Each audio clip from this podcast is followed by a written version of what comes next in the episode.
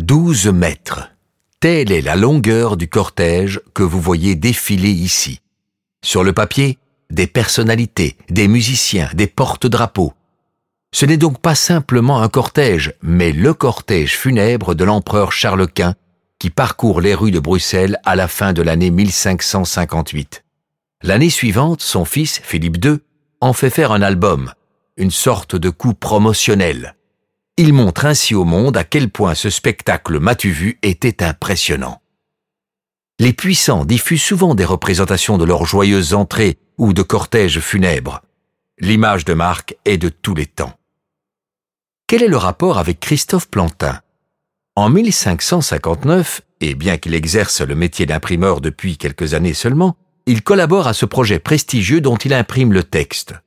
L'œuvre est vendue sous la forme de rouleaux ou de livres dans les cinq langues de l'Empire de Charles Quint. Ce travail représente une percée pour la jeune entreprise.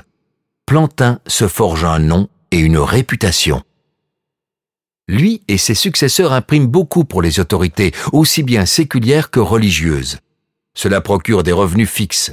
Ainsi, Plantin devient en 1579 l'imprimeur officiel de la ville d'Anvers et l'entreprise le restera jusqu'en 1705.